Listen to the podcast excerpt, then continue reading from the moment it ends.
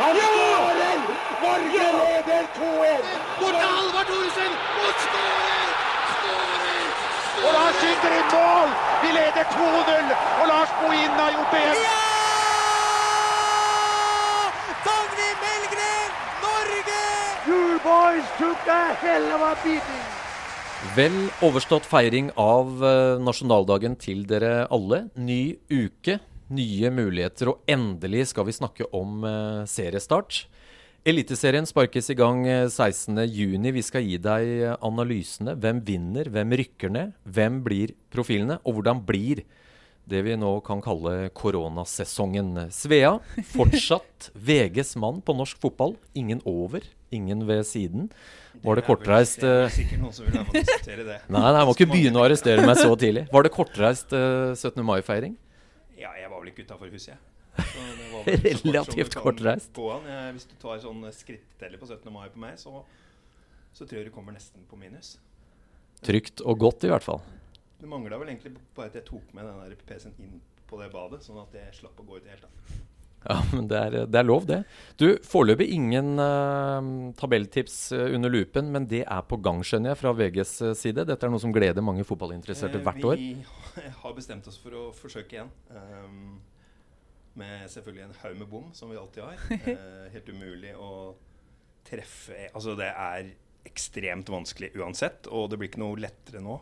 Um, men vi tok den avgjørelsen at vi, vi prøver å kjøre som vi hadde gjort, eller hadde bestemt oss for, for eh, to måneder siden. Og så, eh, så det blir nok ganske likt. Eh, starter vel rundt 1.6, da. Det er bra, og så blir det en, eh, kanskje en enda mer tabloid og litt spissa utgave i dag. Vi skal iallfall få ut noen vurderinger av deg. Og ikke aleine, for vi har en gjest til. Ved din side, Svea, mer enn eh, en meter unna, kanskje til og med to. Alle han. Vi er innafor, i hvert fall. Gunhild Tollnes, reporter og programleder i Eurosport. Velkommen. Tusen takk for det. Hyggelig å være her. Du skulle egentlig komme rett fra eh, Eurosport sin Indre bane-podkast og ned hit, men uh, vi vant. Vi er først. Dere er først, og mye mer behagelig å være sammen med enn Joakim Jonsson, så det skal dere ha. Å, så bra. Så er jo da en stor utfordring når mine kolleger klarer å publisere det. Så jeg kom på at det er ikke sikkert vi er først for de som hører på. Det vil eh, vise seg. Men veldig hyggelig å ha deg på besøk. Vi sitter da i en uh, losje på Ullevål stadion. Gresset er fortsatt like grønt og, og flott. Og det er faktisk uh, fotballaktivitet bak din eh, rygg, eh, Svea. Det er faktisk landslaget som øver. Vi er i gang. Jeg hadde i hvert fall noen få. Det er eh, Josh, det er Caroline Graham Hansen og et eh, par til. Som jo da ikke har reist tilbake til sine klubber, og som bruker uh, Ullevål-gresset. Og jeg har sagt det i en av de forrige episodene at jeg tror ikke det gresset har vært, vært så bra så tidlig. Og det er jo ironisk og dumt at det ikke spilles fotball. Men nå nærmer vi oss.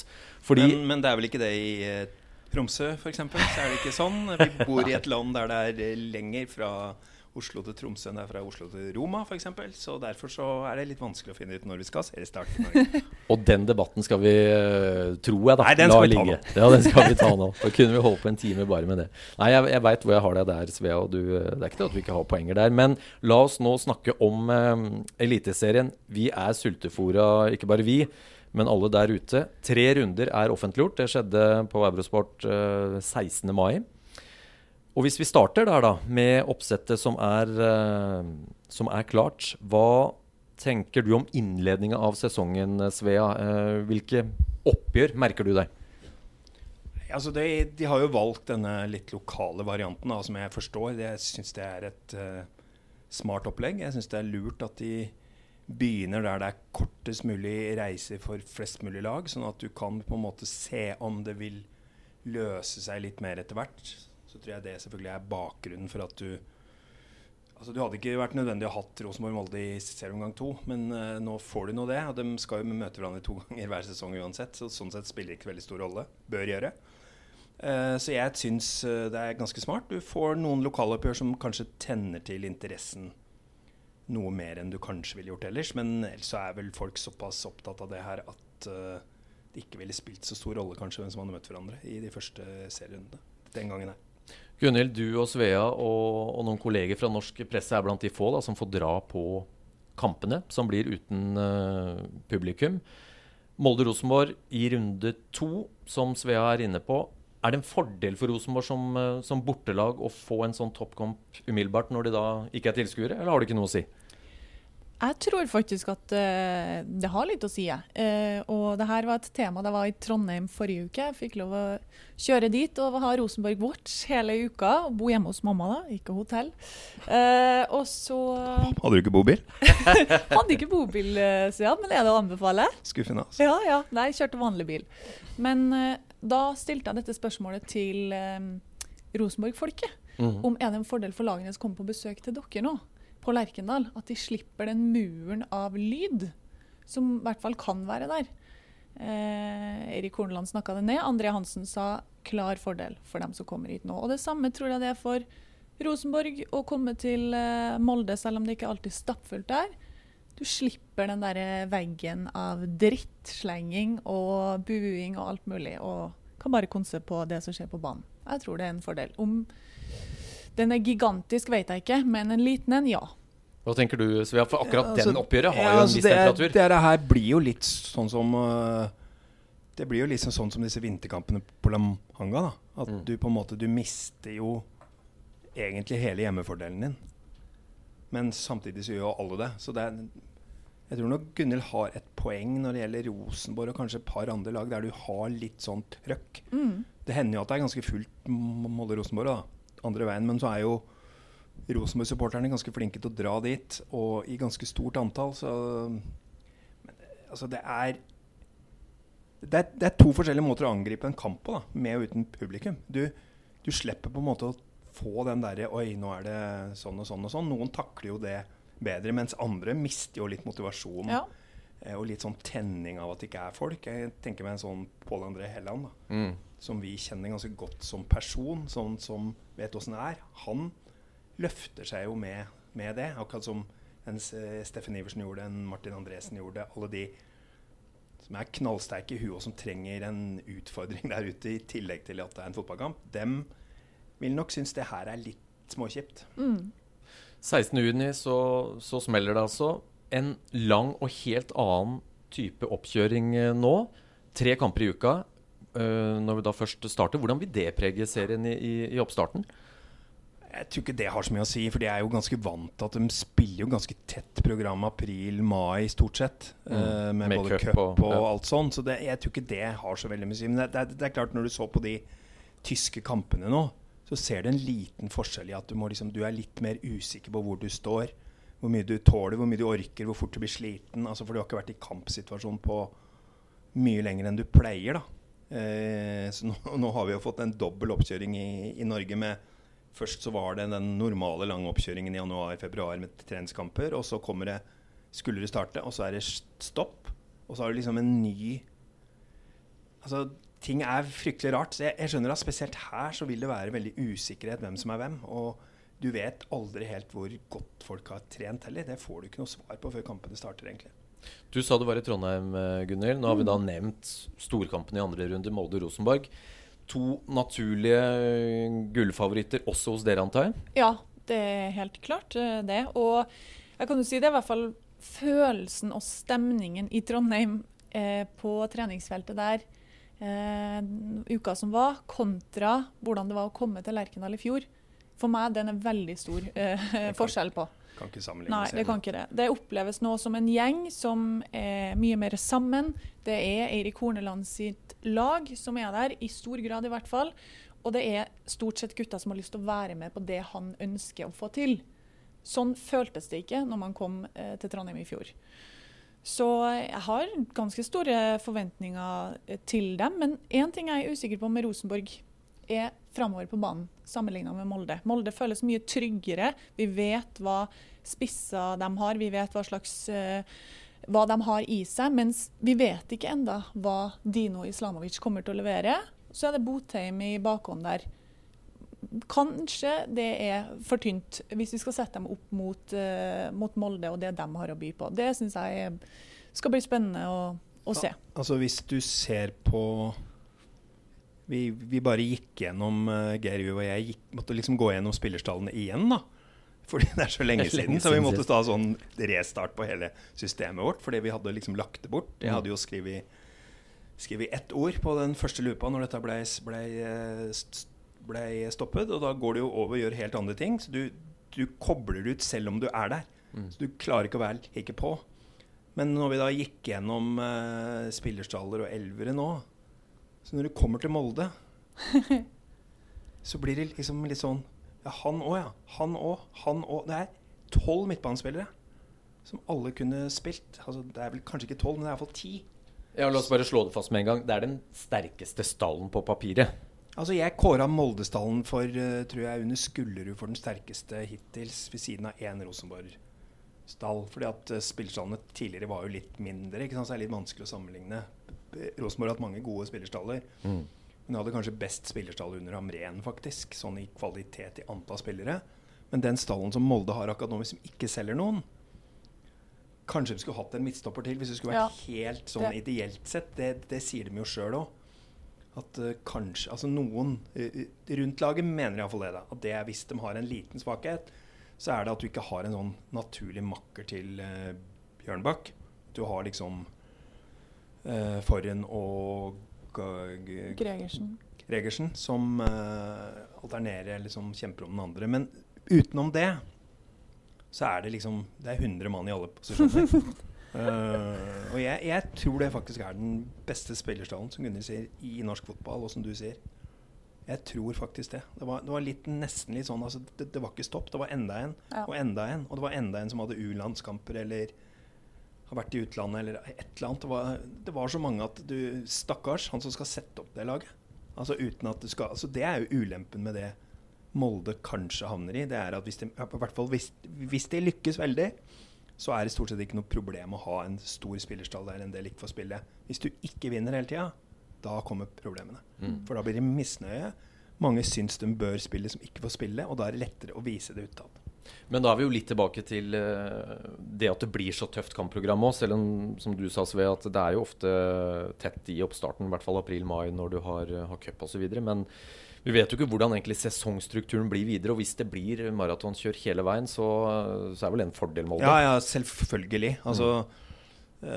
det er jo en kjempefordel. Hvis du la oss si at du får to kamper i uka. Da, altså Alle snakker om tre kamper i uka. Det er jo ikke det når det er fra søndag til søndag, så er det jo to.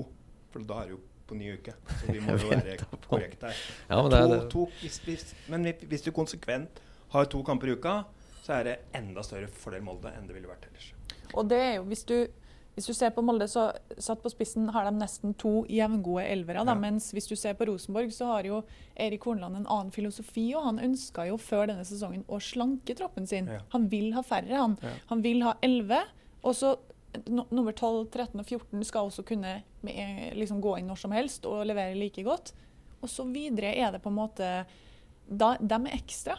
Så, så han tenker jo litt annerledes. Og um, hvordan det slår ut nå med det kampprogrammet, det kan jo bli litt interessant. da. Men Horneland og Rosenborg 16 poeng bak uh, Molde i fjor. Glimt 14 poeng bak. Selv om han da har fått tid til å forme et lag og, og rydde i stallen, det er jo en, eh, en voldsom, eh, et voldsomt gap. da, Når Molde i tillegg har forsterka stallen, hvordan skal Rosenborg klare å, å klå eh, Molde eventuelt? Er det utopi? N nei, ikke utopi. Men jeg holder Molde som sterkere enn Rosenborg.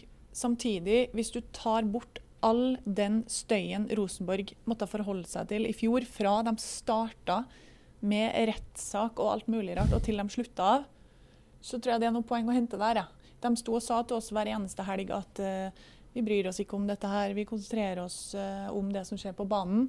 Og da vi var ferdige, så var de, innrømma de jo, de var jo utslitt. Når du må stå og snakke om uh, treneren din skal sparkes hver eneste uke. Ja, altså I tillegg, da, hvis du skal ta et sånn ganske nært eksempel, så er det klart at City vant vel ligaen med 19 poeng, og Liverpool var enda lenger bak. Det var, den var vel over 20 poeng bak for to sesonger siden. Og da og så sesongen etter, uten at det egentlig hadde skjedd veldig mye, så var de ett poeng bak. Mm. Det er jo det er ikke noe liksom sånn at med en gang du vinner med et antall poeng, så kommer det til å fortsette. Vi har jo hatt mange eksempler på det her tidligere i norsk fotball. At du har vunnet med et hav, og så Du hadde vel et par altså, Molde som vant i 2011 og 2012. I 13 så var de jo ikke i nærheten, Ja.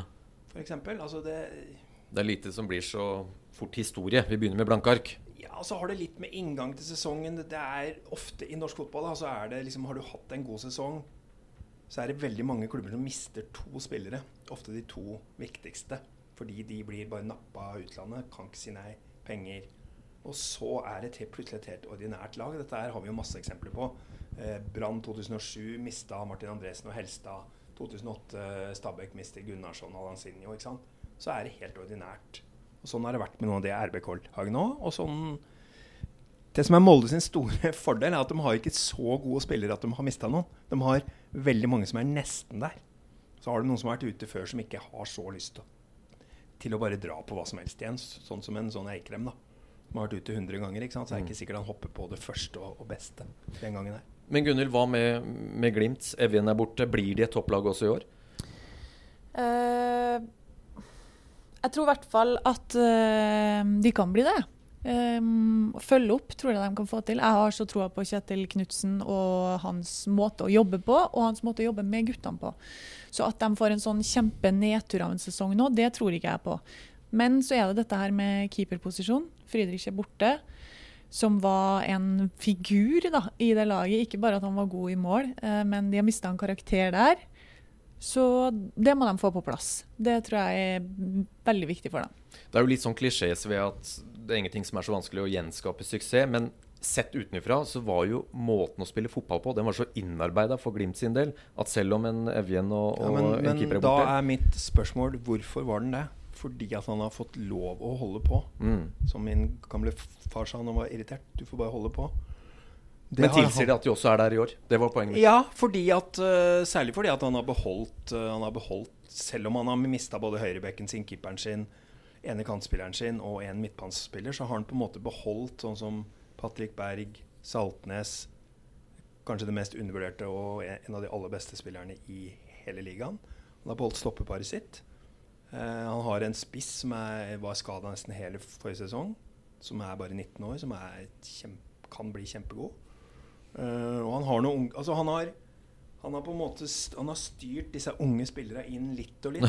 Nå vifter du så ivrig med mikrofonen din, Svea, så hvis folk lurer på hvorfor lyden kommer opp oh, ja, ok, unnskyld. Um, han, har i hvert fall, han har i hvert fall vært veldig smart når det gjelder å få Altså, de bestemte seg jo på et eller annet tidspunkt for at de skulle satse ungt og lokalt, da, som alle egentlig sier noen ganger. Em, men Bodø-Glimt Og som oftest når du velger å gjøre det, så må du. Det er fordi at du ikke har penger. Det er jo det som er litt dumt med fotball i dag. Det er det at du gjør ofte ikke de tingene før du må.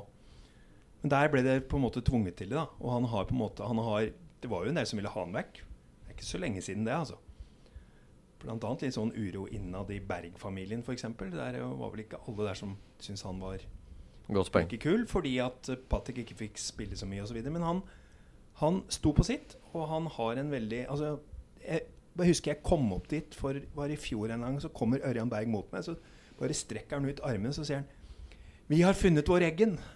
bare. Og det var fordi at han ser igjen alle disse måter, disse trekkene, disse posisjonene, indreløperne som går riktig. Ving, kant, høyreback som spiller sammen. Altså, han har fått til så mye av det Nils Arne fikk til. Da. Og det er eh, litt eh, Apropos det du sier nå, Svea. Vi hadde en sending med Patrick Berg i eh, koronaperioden nå, hvor vi snakka om det fjoråret og det de fikk være med på. Og sa han at nesten det mest magiske ute på banen var at han kunne lukke øynene, og så visste han hvor alle medspillerne sine Mm. var. Til enhver tid. Det var så innarbeida. Og da blir det også så trygt. Eh, så Altså, alle vi visste hva som skjedde når Bent Skammelsrud fikk ballen. Mm. Da visste alle hva de skulle gjøre. Ja, Og sånn er det litt her òg. Og så er han alltid, eh, alltid spillbar. Han, han ligger sånn Altså Jeg, jeg så Bodø-Glimt i fem treningskamper eh, før dette her skjedde. Og det imponerende var at han omtrent altså det var, Han var nesten ikke inne i en duell fordi at han var så flink til å plassere seg riktig. Da, sånn at han alltid kunne være der hvis de andre måtte eh, ikke, ikke fant noen løsning. Så det dere egentlig begge sier, er at uh, Glimt fort vekk blir med i, eh, i toppen. Uh, en medaljekandidat uh, minimum. Ja, altså Jeg ser ikke noe bort ifra at hvis han får lov å fortsette å jobbe, og han lykkes med de som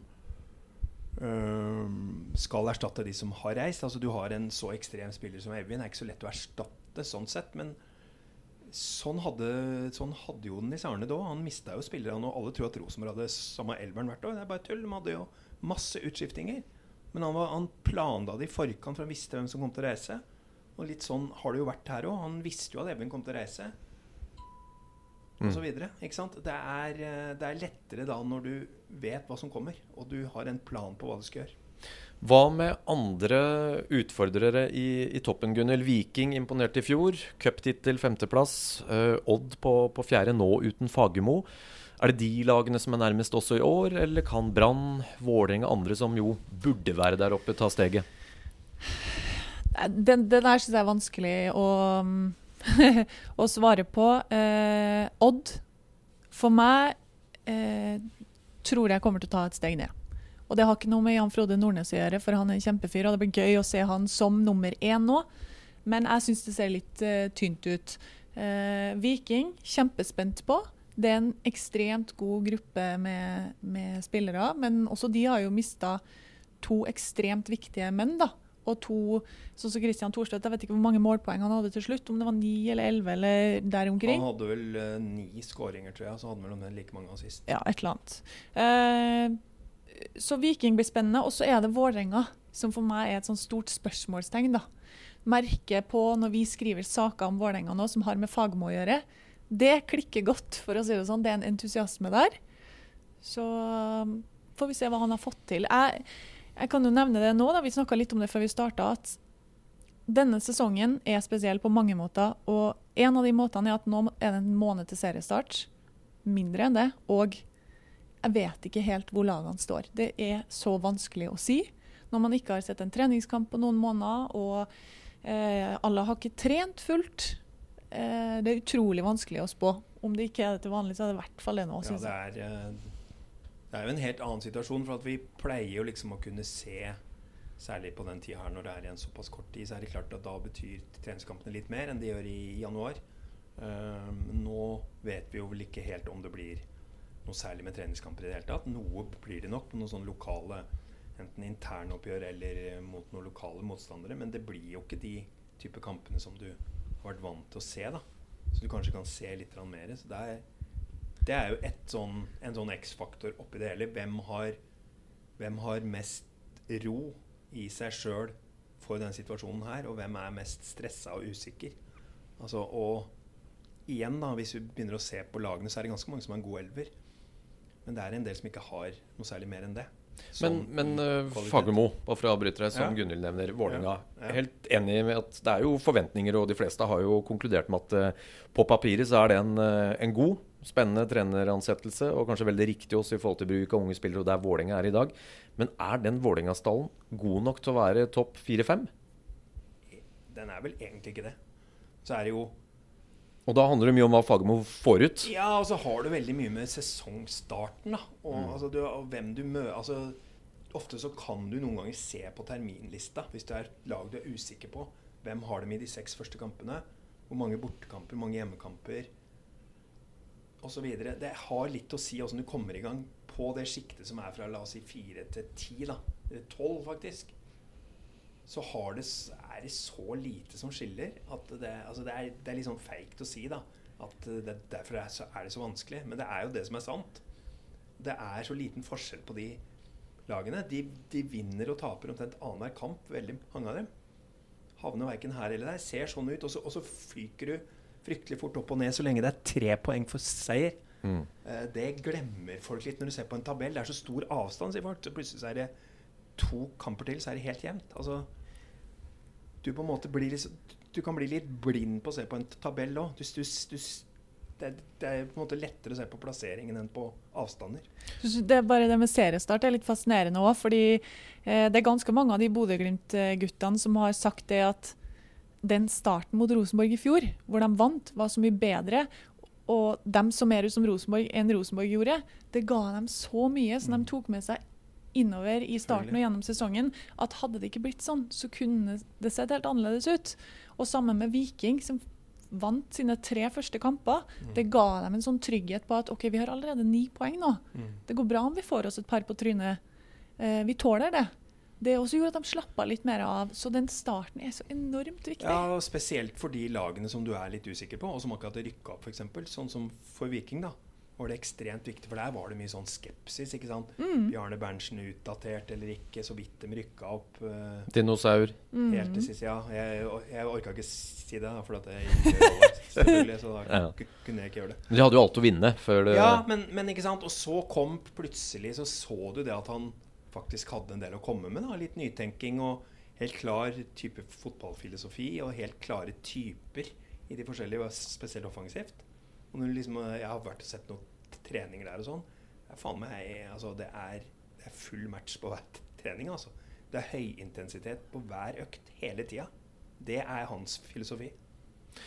Uh, vi har ikke konkludert sånn endelig da, i forhold til hvilke lag som uh, blir nærmest uh, Rosenborg, Molde, Glimt. Hvem skal vi trekke frem? Hvis jeg tvinger dere til å være konkrete. Uff. Jeg håper jo Brann er med oppi der, fordi at det blir kok i Bergen, da, og det er gøy. Så Ja, men det gjør du hvis de ikke er oppi der òg. Ja, det gjør ja, det. Gjør en garantist for kok. Ja, men, men har du trua på Brann, eh, Svea? Jeg er veldig usikker. Ja, jeg er veldig usikker. Det, det, der også tror jeg det har litt med Der kan det fort gå sånn en dårlig seriestart der med fire poeng på de fem første kampene. Så kan da begynner det selvfølgelig å brenne under føttene på han som det brant under føttene for nesten i hele fjor. Ja. Det er litt annen dynamikk enn andre klubber, hvis det ligger ja, det er et par klubber her som automatisk får eh, Eller en del trenere da, som får det ganske kjapt fordi at de Altså, det hadde jo Hvis eh, Ronny Dale hadde fortsatt, så hadde det vært akkurat det samme her. Mm.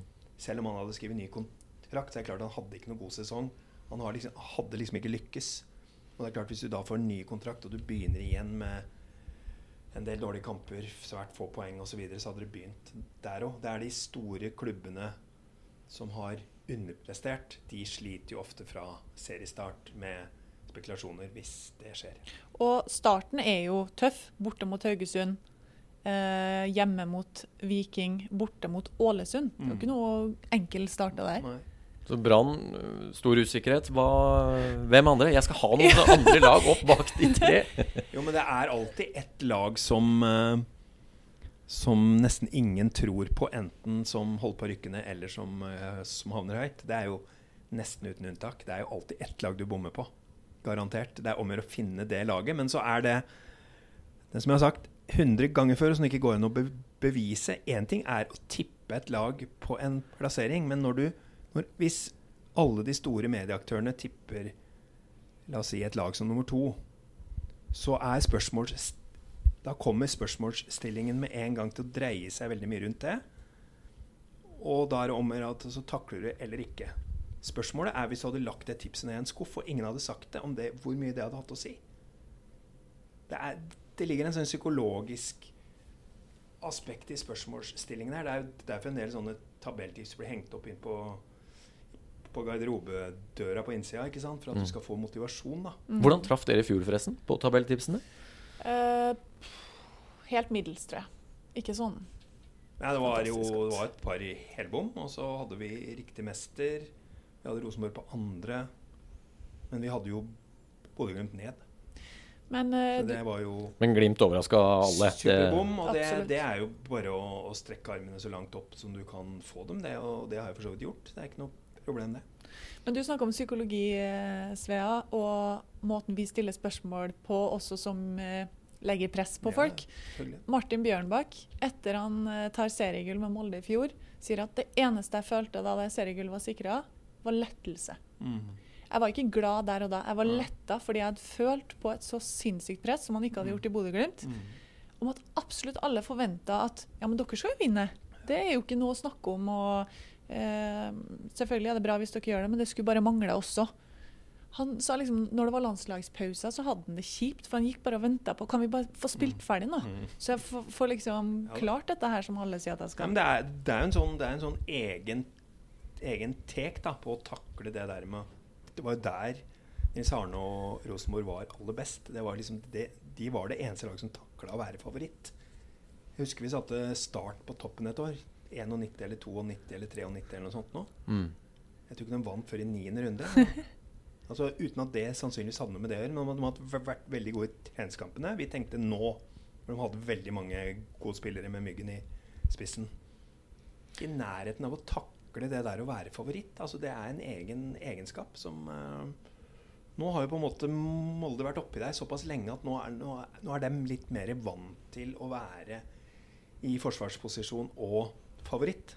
Uh, det er vel egentlig ingen andre enn Rosenborg som har takla de siste 20 åra. Svea, du sa noen overrasker uh, alltid. Gjør spådommer til, uh, til, skammen. Nå har vi snakka om et ganske sånn åpent uh, felt her, da, midt på tabellen. vi har tre nyopprykka lag.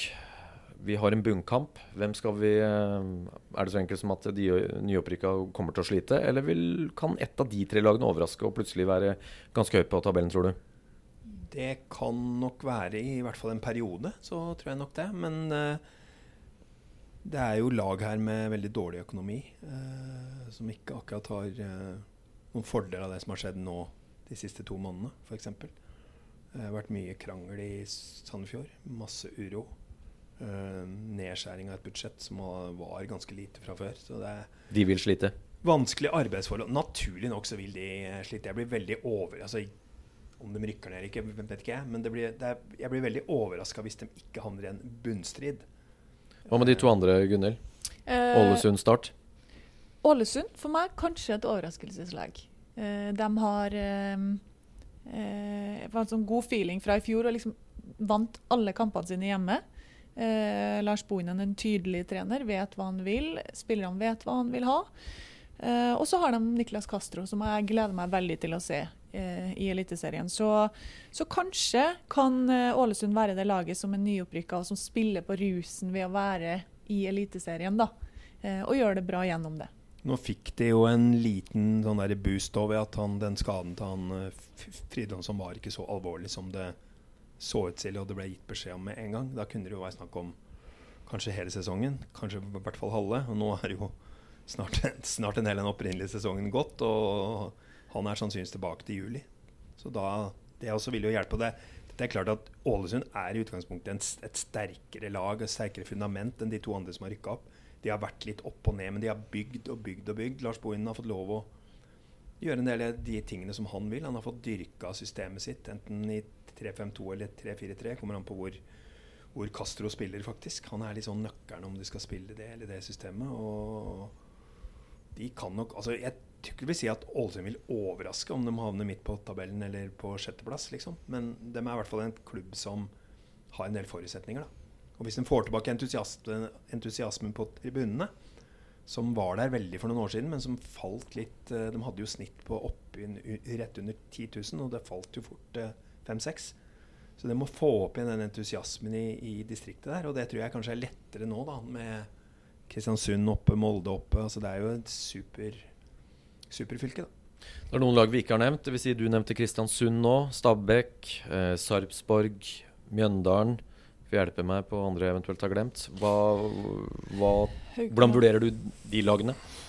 Mjøndalen f.eks. Er det et, uh, et, lag som sliter i, i bånn? Ja, det, de kan fort gjøre det. Men det, Mjøndalen er jo et av de lagene som uh, både har sagt det sjøl, i hvert fall noen av spillerne, og helt tydelig eh, kanskje har hatt godt av pausen her. da. Eh, de så ikke bra ut før koronaen inntraff. De Men det er fortsatt aller dårligst ut, faktisk. Det er fortsatt et spørsmål hvem som skal skåre mål, kanskje, for Mjøndalen. Jo, men de hadde jo i de treningskampene som vi så gjennom her, så hadde de vel snitt på baklengs på tre eller noe sånt. Og det er klart, da, da begynner du ikke mange kamper. Altså. Uansett. Og så kan man jo si mye om Christian Gauseth, men han eh, hadde jo mista en haug med kamper hvis man hadde starta når mm. vi skulle.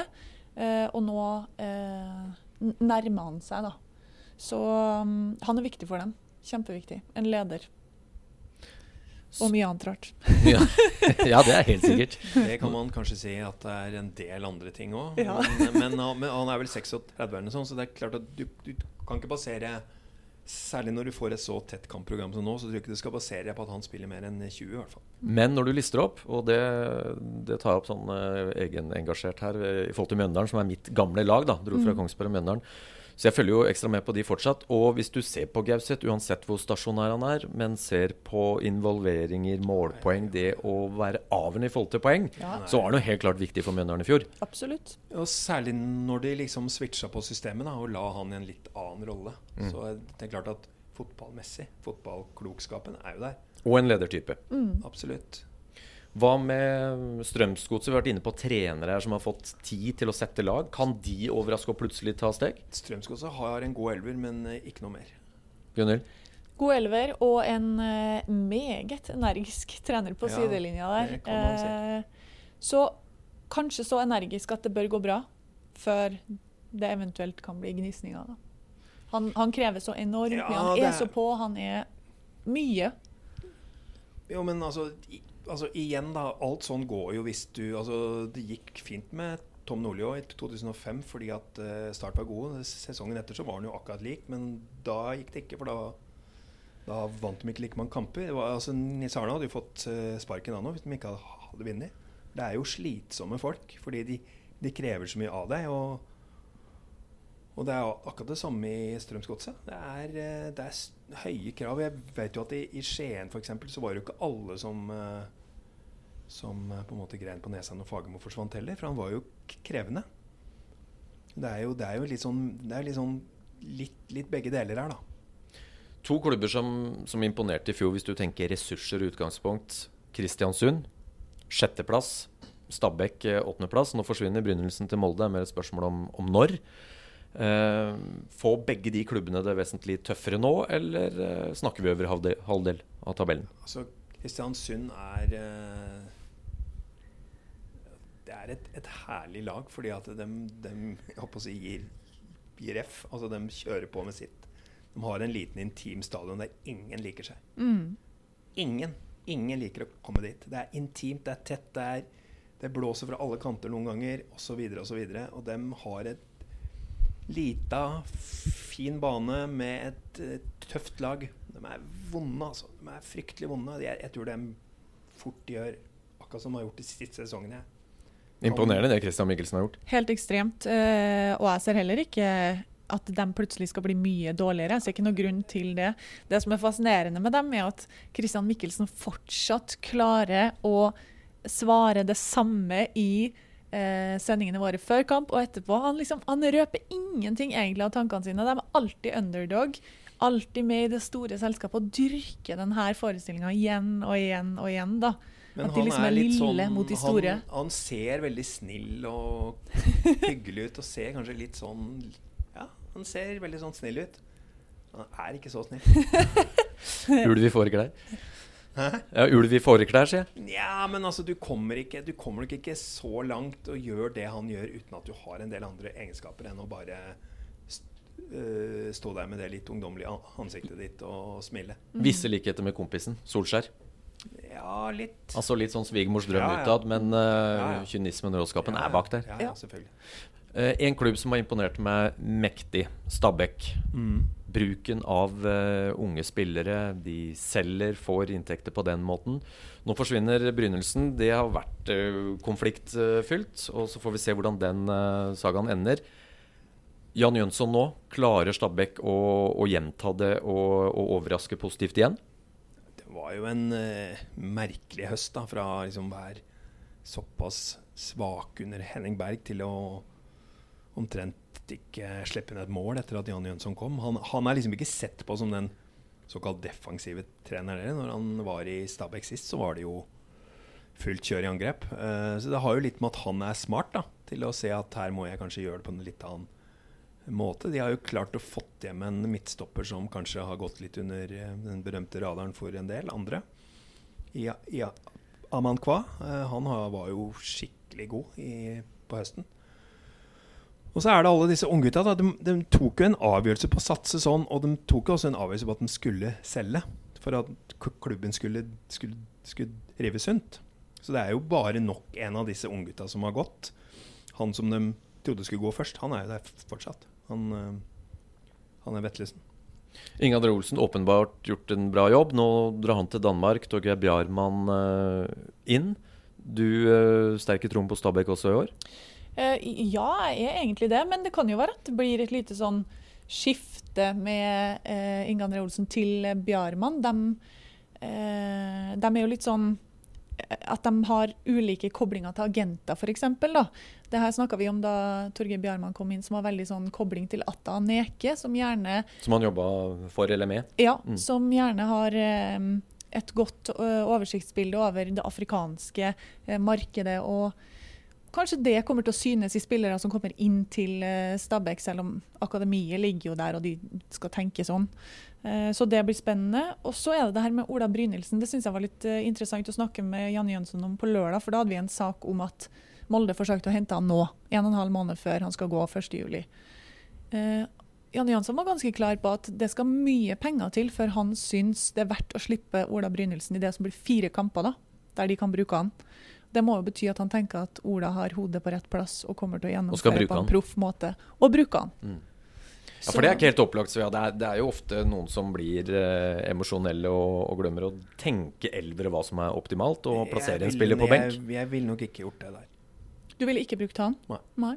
Ja, fordi han ikke har hodet på rett plass, Nei, eller? fordi at jeg føler at eh, støyen blir eh, for, for, for høy kontra det du kan vinne.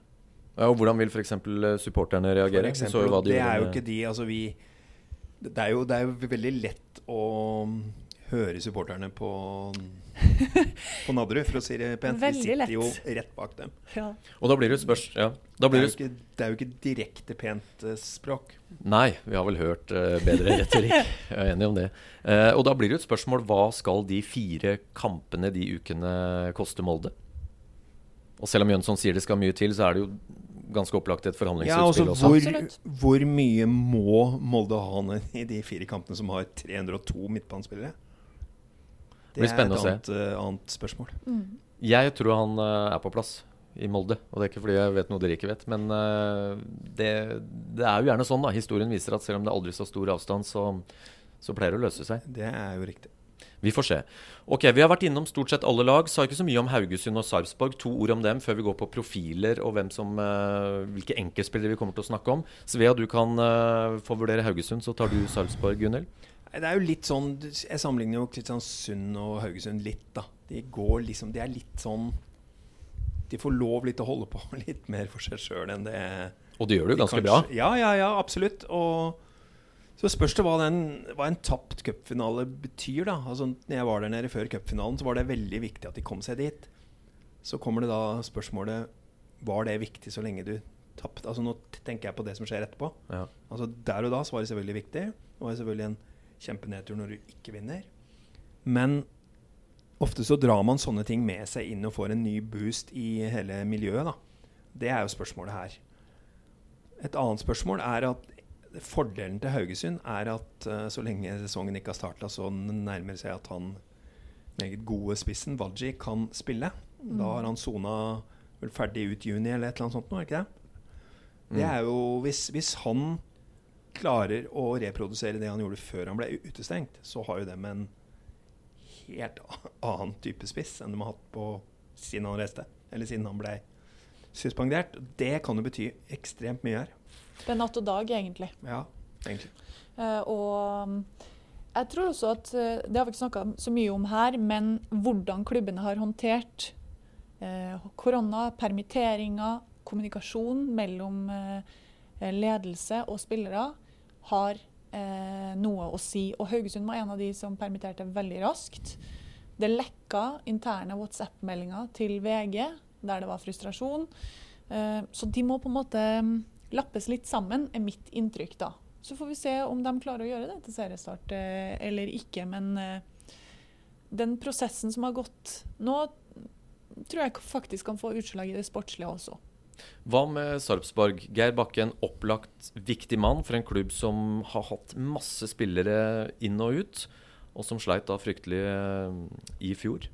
Blir det status quo, opptur, nedtur? Eh, jeg var og møtte Mikael Stare før, eh, før det ble avbrudd. Fikk et veldig godt inntrykk av han. Eh, ikke kanskje kjempeulikt det vi mm, har sett tidligere. Litt justeringer selvfølgelig, men de skal prøve å bygge på det samme videre. Jeg kjenner jo Tom Freddy Aune godt, som er assistenttrener der. og Det er jo alltid sånn spennende når du har jobba med noen lenge, og så kommer det inn en ny mann som du ikke kjenner fra Sverige. Og jeg vet at han og Stare har fått et kjempeforhold nå. Veldig veldig fornøyd med hvordan de jobber sammen. Største forskjellen er vel at de skal spille med tre mann bak. Altså tre midtstoppere. I hvert fall gjort det i alle treningskampene. Så det er jo litt av litt, altså De prøvde jo litt det forrige sesong og har gjort det sånn innimellom, men Mm. nå er det jo litt mer det som er utgangspunktet. da. Ja. Og bare for å følge opp, så det, det skal vel en del til for at det skal bli like dårlig som det var. Den, de spilte vel halvparten av kampene uavgjort. Klarte jo ikke å vinne og ta disse avgjørende poengene. Derfor så ble det bare hengende helt til slutt. Uh, jeg tror sjansen er god for at de unngår i hvert fall å havne i den situasjonen. Ja. Og så kan du si at Geir Bakke var kjempegodt likt og en fantastisk dyktig, flink fyr, men kanskje var det også riktig med et skifte der uansett, da, med tanke på hvordan situasjonen var. Godt poeng. Da har vi vært innom, eh, tror jeg, alle lag. Vi har slått fast hvem som kommer til å være i toppen, vært innom hvem som kommer til å slite litt. Og så blir det kanskje, eh, skal ikke si røkla, men det blir et stort mellomsjikt der hvor nesten hva som helst kan Start har vi ikke nevnt. Start har vi ikke nevnt. Du er våken. Det er godt du jobber med lupe og ikke jeg. Um, problemet med Start er at de har en kultur som gjør at de rykker veldig lett ned. Og en spiller som nå eh, plutselig forsvant. Ja. Ja, han forsvant og kommer vel da ikke tilbake, i hvert fall sånn i utgangspunktet. Og um, han har jo vært viktig for dem, selv om han har vært litt omdiskutert. Jeg vet ikke du, hvordan du så hans påvirkning på laget? Eh, på en måte var han jo kjempeviktig og dritgod. Og Mm. hvis du ser den jobben han gjør i eh, den kampen på Lillestrøm f.eks., Mm. Hvordan han helt bevisst oppfører seg mot Frode Kippe når han kommer Mm. inn. Altså, det er jo en dritgod spiller. Mm. Og så har han den sida av seg som er litt ute av kontroll, Mm. som gjør at uh, det av og til vipper over. Men Eh, Spørsmålet er om de har ulempen, penger til å erstatte. For det er klart, de har ikke noe de har ikke noe stor, sterk spillerstall, dem heller. Vi er jo en av de klubbene som kanskje vil slite pga. Kamp, hardt kampprogram. Blir spennende å se. La oss gå over på profiler. Jeg noterte meg én ting. Vi snakker jo ofte om de offensive spillerne, selv om eh, de bak der er minst like viktig. Fire av de fem mestskårende forrige sesong var norske spisser. Børven uh, toppskårer, 21 mål. Og så hadde vi Leke James bak. OI, Evjen og Magnus Wolff Eikrem. Eh, for meg, Evjen, Wolff Eikrem, kanskje de to beste i Eliteserien. Er det de samme vi eh, forventer er der oppe i år, og, men kanskje enda mer spennende? Hvilke nye kan ta steget? Dere er tettere på den enn meg, så vi har først. Jeg tror ikke du skal regne med at Magnus Wolff Eikrem skårer like mange mål som han gjorde, men han kommer til å være like dominerende, tror jeg. da. Han, har jo, han, er, jo den, han er jo den beste spilleren i ligaen. Eh, sånn fotball Altså Det er jo ingen som har den fotballhjernen hans. Som Blikket. ser ting fort. Tar disse avgjørelsene kjapt. Hvor han skal slå når, hvor, hvem osv. osv. Han er jo en Det er jo litt synd at han ikke har lykkes litt mer ute, for han er jo en fryktelig god spiller. Eh, alltid når jeg ser han spille, så, så blir jeg litt happy. Fordi at han er, han er egentlig den ultimate sånn fotballspilleren som vet akkurat hva som skal gjøres. Så han kommer til å være en stor profil. Um, av nye så kan du fort få et par stykker i uh, Rosenborg, håper jeg. Eh, du kan få en kantspiller som heter eh, Konradsen Seide, eller Seide Konradsen. Nå husker jeg ikke rekkefølgen på etternavnet hans. Men hvis de ikke klarer å få noe ut av han i løpet av et år eller maks to, så har han gjort en fryktelig dårlig jobb. Han er ekstremt spennende. Han eh, var det litt eh, sånn merkelig å se da jeg var på Lerkendal nå, fordi han har blitt så svær. Altså Han har vokst og begynner å bli sånn ordentlig fysisk. da. Eh, det så veldig bra ut. Og så må han ta mer plass. Sånn, I møte med oss så er han jo ekstremt eh, sjenert. Altså, det er jo nesten ikke mulig å få ord ut av gutten. Litt tøffere på banen, men likevel. Jeg, jeg tror kanskje jeg må hente fram litt, litt råskap der, da. Eh, for at det skal bli kanon. Men det ligger der. Andre unge spillere, Gunhild? Nei, jeg lagde jo en sak om Tagseth, f.eks. Um, spilte en god del når de hadde spilløkter i Trondheim eh, nå. Men har jo selvfølgelig mange han konkurrerer mot hvis han skal spille indreløper, da. Eh, men spennende og ekstremt gira på å komme seg inn i den uh, elveren. Hornland veldig positiv til han. Så kanskje det kan bli en uh, lyslugge vi får se litt. Han må nok ut på venstre bekk. Ja, det, det som spørs, da. som uh, Hvis Anders Tronsen hadde skjønt det, så hadde han allerede vært landslagsspiller. Anders Tronsen ble vel plassert på bekken ved en av de spilleøktene vi var der. Var ikke veldig fornøyd med det, så han har ikke skjønt det enda, i hvert fall. Nei, da, Men du- men, En som har virkelig tro på seg sjøl og hatt det lenge, uh, siden han var i Lyn, det er Botheim. Um, og nå, da, med litt annen um, stall i Rosenborg, kom et uh, Søderlund er borte, men det kom et annet spiss inn. Kan, kan Botheim få vist litt det som bor i han? Det har jo bare vært glimtvis. Jeg er usikker, faktisk. Ja. Uh, Dino Islamovic er i hvert fall nummer én. Ja. Og ja, Det var jo snakk om at Rosenborg skulle hente inn en spiss til. Nå er jo Eirik Horneland veldig tydelig på at de kan ikke gjøre det i de to ukene der, som kommer nå, fordi at uh, de har hatt folk permitterte. Uh, men han er nummer to, i hvert fall, sånn som det er nå. Stabæk og alle ungguttene som vi var inne på i stad, kan det komme enda flere frem som vi bør uh, merke oss? Eller noen som tar ytterligere altså, steg? jeg har jo, har jo alltid sett litt ekstra på uh, herr Pignatell, fordi at han er samme årskull som min, egen sønn, så har jo de liksom spilt litt mot hverandre og sånn. Så han har jeg alltid fulgt litt med, og han var liksom sett på som det største forsvarstalentet i, i Europa i sin, sin årgang. Han er født 2002. Han fikk noen kamper i vinter. Jeg var ikke veldig imponert. Han fikk et par innhopp i fjor. I hvert fall så, så var han på benken en, en god del. Det er jo fortsatt håp om at det skal bli noe, da. Eh, der, De har jo selvfølgelig en Gelmiden, også født 2002, som er spennende. Og så har du selvfølgelig du har en sånn altså Emil Boinen. Hvis han blir der hele sesongen, så blir jo garantert han en, en stor uh, profil. Han tok jo megasteg under, under Jan Jønsson. Da har vi vært inne på, på noen navn, og så dukker det jo nesten alltid opp noen som ingen har nevnt. Så blir det alltid spennende å se hvem det er. Selvfølgelig. Det Mm. kommer alltid noen. En annerledes sesong uten tilskuere i starten, kanskje hele sesongen. Et, eh, det blir to overgangsvinduer, men, men ett nå, da, inn mot eh, seriestarten. Noen har sagt ganske tydelig at vet du hva, det er ikke på agendaen, vi har mer enn nok med å overleve. Andre har vært mer offensive og sagt at selvfølgelig, vi skal utnytte et overgangsvindu. Hvem tror du kommer til å kjøpe, hente spillere og, og dra nytte av det nå i starten? Jeg tror uh, Stabæk og Bodø-Glimt kommer til å handle, fordi de har mer eller mindre sagt det. Altså Bodø-Glimt solgte såpass mye og, og trenger i hvert fall en keeper. Eh, kanskje en høyrebekk. De har jo brukt Morten Konradsen på høyrebekken. Kan godt være at det fungerer. Det har vel vært snakk om der at Og så har de vel henta en islending, har de det? På høyrebekk, ja. Men, men hvert fall så De har jo sagt det, at de er, de er ute etter å forsterke. Og jeg tror ikke det har vært noen endring der. Stabæk har jo også sagt at de kommer til å gjøre det. Og de er jo alltid sånn eh, Når vi skal tippe før sesongen, så er alltid Stabæk vanskelig fordi at de venter til Ja. siste, siste par ukene på tampen. før de da skal handle. Og da har vi ofte gjort ferdig vårt tips. Fordi det må jo komme i hvert fall to uker før. Eh, så de kommer sikkert til å gjøre det nå òg. Og så er det Gunnel, noen som sier at eh, nei, nei, vi skal ikke handle.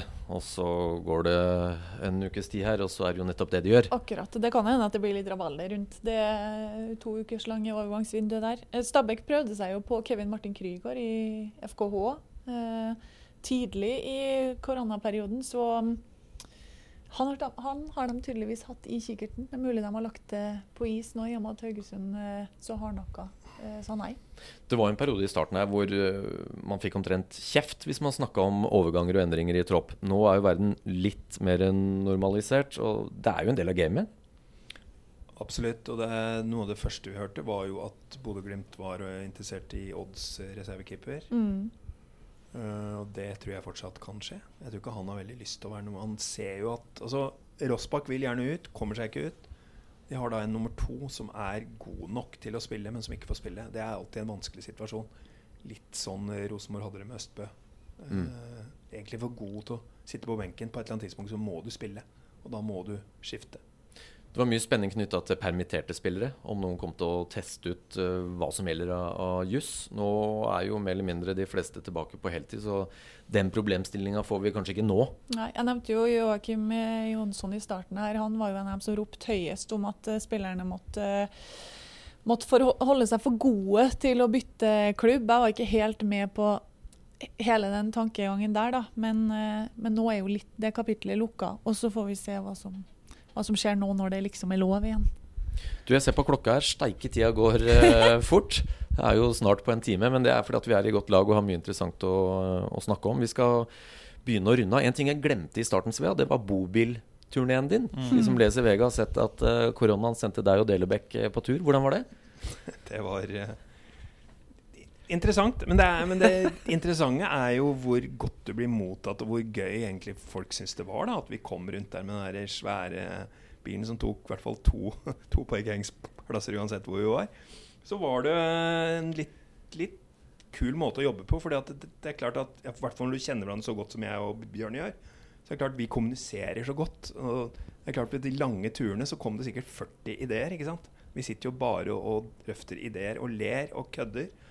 Um, og det, det, var egentlig en interessant måte å jobbe på. Jeg uh, tror faktisk det går an å gjøre det uansett koronatid eller ikke. altså. Og så fikk du oppdatert litt researchen, da. For det, det var, nå var det jo rundt i Idretts-Norge. Det var jo ikke bare fotballbesøk, men, eh, men, mye var jo retta mot ball. Jo, det var også litt bevisst at vi skulle innom så, i hvert fall så mange forskjellige altså Både breddeidrett, toppfotball, eh, vi var innom håndball, ski. Jeg gjorde en del av sånne andre typer lengre intervjuer med Erik Hoftun f.eks., med Teddy Moen har et til som ikke har kommet ut ennå. Så jeg prøvde å gjøre forholdsvis mye. Det eneste som var et helvete, var at det var jævlig vondt å sitte og skrive der. Så jeg ødela ryggen min, så nå har jeg hatt tre behandlinger etter jeg kom hjem. Det, det, var ikke bra. Nei. Det håper jeg ordner seg. Jeg lover å lese alt som, som ikke er publisert. Uh, Gunhild, det blir gøy å uh, komme i gang her. Uh, og du, som jeg sa i innledninga, du får jo faktisk vært på arenaen og sett dette live. Ja, føler meg ekstremt heldig som forhåpentligvis da, får lov til, eh, til, det. Ting endrer seg jo så vanvittig fort. At Det tror jeg også er en faktor. Det, det laget, den treneren og det klubben som på en måte håndterer all usikkerheten som er der til enhver tid, tror jeg er en kjempefordel. Um, så, så, får vi håpe nå at det blir seriestart, at vi får være på arena og dekke det sånn som vi håper. og at uh, at vi kommer i gang. Altså. At ikke plutselig dukker opp en ny smittebølge. Det orker jeg ikke. Nå har jeg lagd så mange podballutgaver om korona og konsekvenser og eh, mulige nedsider at uh, jeg har holdt meg helt bevisst unna det der hva skjer hvis én ja. spiller blir smitta, eller to. Ja. Den tid, den sorg. Skal ja. vi være enige om det? Helt enig. Hvor skal uh, dere i første runde? Er det bestemt? Nei, vi fikk jo en plan. Den er kasta i søpla, så nå holder vi på med en ny plan. Så får vi se. Uh, hvor man sendes. Det er jo dette med reise også, som er en kjempeutfordring. Så ja, bo, puslespill. Bobilen til Svea, da. Det er der den kommer inn. det er bare å, bare å, sette seg. VG og Eurosport har jo et, et samarbeid, der, så da, da, har vi løst den. Jo, men vi, vi, kunne ikke være mer enn to, så vi, vi kunne jo ikke f.eks. invitere folk inn i, i bobilen. Det hadde vi ikke lov til. Ja, kanskje like greit. du, masse lykke til med sesongen. Vi håper uh, det går som det skal. Mm. Og så takker jeg for gode vurderinger for dere som er uh, så tett på som dere er. Kjør pen... Sikkert, uh, kommer helt sikkert til å bomme noe fryktelig. Ja, ja, ikke, ikke helgarder nå. Kjør pent med bobilen, og så får vi se om du har plass til Gunhild og Delebekk med reise på andre måter. Takk for at dere kom. Takk for det.